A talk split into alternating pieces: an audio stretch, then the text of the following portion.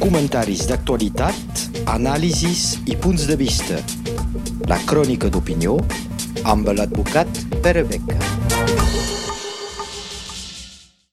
Bon dia. En aquests moments, a l'estat espanyol, s'està fent política mm, d'aquella que no ens agrada molt.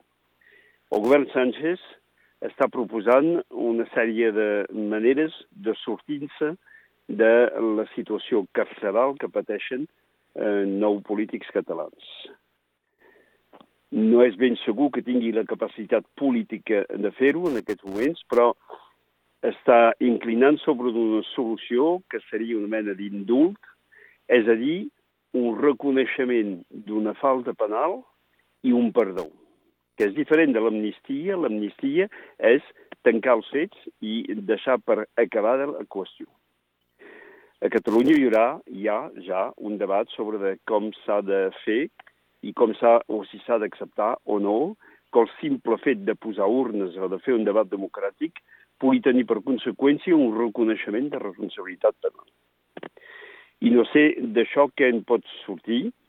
Llavors que al mateix temps s'augmenta la repressió a molta altra gent, sense presó poder, però repressió, i que al mateix temps també a les jurisdiccions europees, cada vegada que surten sentències, són sentències a favor del moviment eh, de l'1 d'octubre de 2017, el moviment de l'independentisme català. Els mesos d'aquí endavant seran determinants per al fet català. Mentrestant, a l'estat francès s'està portant un debat electoral molt suau, molt discret, eh, agreujat pel fet que amb el Covid no, no es poden fer reunions públiques, sobre de les eleccions departamentals i regionals. I sembla que hi hagi a tot l'Estat una gran desestimació d'aquesta elecció. Es preveu una abstenció d'uns 40%, malgrat el fet que hi han dues eleccions al mateix dia, és a dir, que s'havia triat de fer aquestes dues eleccions per precisament més mobilitzar la gent. És evident que el Consell Departamental té un rol molt a la baixa respecte al que podia tenir fa uns 10 o 15 anys. El Departament de Pirineus Orientals, per exemple, el 70% del pressupost del Consell Departamental està dedicat a l'ajuda social baix totes les formes que pot tenir RSA o altre.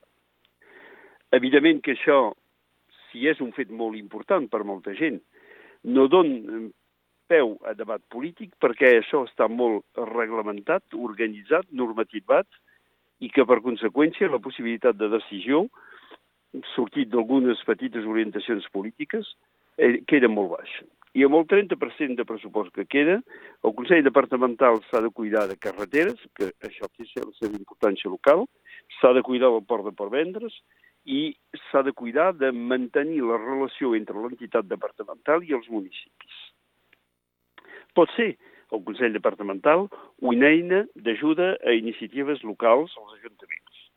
Però, per tant, això sembla que en aquests moments està, estigui totalment menys preuat pels electors, que no hi donen importància i que el debat departamental és més un debat de persones que no un debat polític.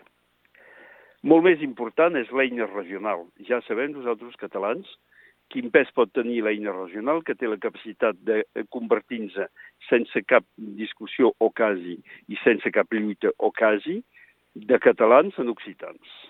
És a dir, que és una eina que té la seva importància, però més que això té una importància a nivell de números. Més o menys 6 milions d'habitants a la regió, és un pes important, un pressupost molt important i sobretot un pressupost que no és afectat vull dir per aquí, que no és com el Consell Departamental, que ja sap a l'1 de gener què haurà de fer dels seus diners. Al Consell Regional hi han diners que es poden afectar projectes. I, per tant, aquesta capacitat d'invertiment, aquesta capacitat de donar els diners que facin falta per portar endavant projectes, és una eina molt important. I sembla que tampoc no hi hagi una presa de consciència determinant d'aquesta importància. El món econòmic, eh, especialment el món agrícola en aquests moments, està molt lligat amb la regió perquè precisament sap que allà hi ha les eines d'un futur desenvolupament, d'un futur desencadenament de les situacions eh, perilloses que podem patir a nivell de cultura. Per tant, això ha de ser, hauria de ser, un territori de debat. I, de fet, aquest debat està una mica desviat, potser no tant en la nostra regió en aquests moments, però a nivell de tot l'estat francès, està desviat perquè d'alguna manera s'està convertint en una prefiguració de l'elecció presidencial de l'any que ve. Desmostra això que eh, els diputats en aquests moments han perdut tot pes, eh, tota possibilitat de tenir una acció política específica, lligats que són per al mandat de cinc anys, el règim presidencial i la voluntat del president de la República. Però aquesta implicació presidencial, degut a la voluntat de l'actual president francès, és una voluntat que va molt més enllà de la situació dels diputats. Aquest torn de França que ha començat bastant malament el president de la República, el fet que cinc o sis ministres s'hagin directament implicat a la campanya electoral de les regionals, don un aspecte molt diferent, don un aspecte de pre-torn electoral, pre-primera volta de les eleccions presidencials. I això amb, eh, amb diferents aspectes, diferents idees a darrere el cap. La primera és, de part del president de la República, de posar entrebancs a alguns potencials candidats a l'elecció presidencial, com ara el Xavier Bertrand a la, a la província nord, s'ha de dir, o de França, o a l'illa de França en aquests moments, és a dir, eh, fer que per un resultat negatiu a les regionals els mateixos presidents d'aquestes regions no puguin ser candidats a la presidencial. És un desviament, desviament polític.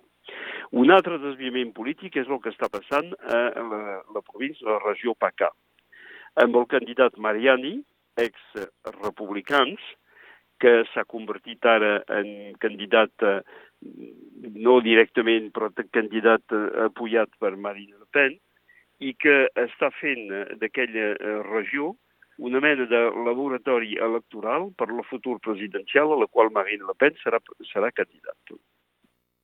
Això significa que la realitat del pes polític no és el Parlament, ja que no hi ha més grans tenors, no és tampoc els ministres, que són tots o quasi tecnicians i no polítics, no amb un pes polític. Anteriorment, en els ministeris es calculava tant d'aquest partit, tant d'aquest partit, per equilibrar la coalició. Actualment, els ministres són tècnics, i a començar pel primer de tots, en Castec, i aquests tècnics quasi no tenen estacament polític en un partit. És a dir, que no tenen un pes polític específic. Al revés, els presidents o presidentes de la regió sí que tenen un pes perquè representen una entitat electoral que tindrà la seva importància l'any que ve.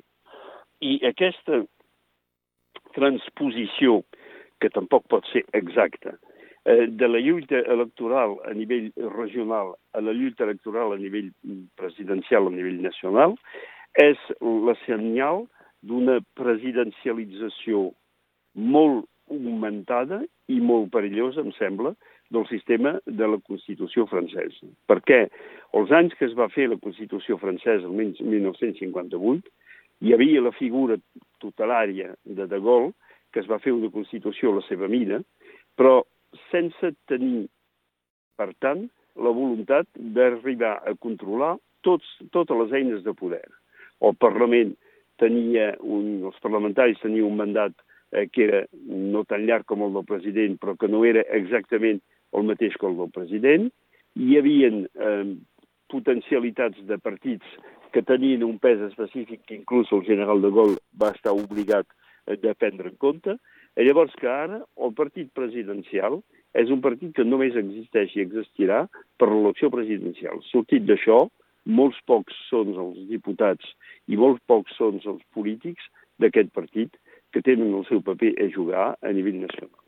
Per això diguem que l'estat francès en aquests moments és un estat que s'està convertint en un règim presidencial potser més segur, més centralitzat que el propi règim dels Estats Units. I això pot ser també un perill per democràcia. Hem d'anar amb cuidado en tots els aspectes. Moltes gràcies. Comentaris d'actualitat, anàlisis i punts de vista. La crònica d'opinió amb l'advocat Pere Beca.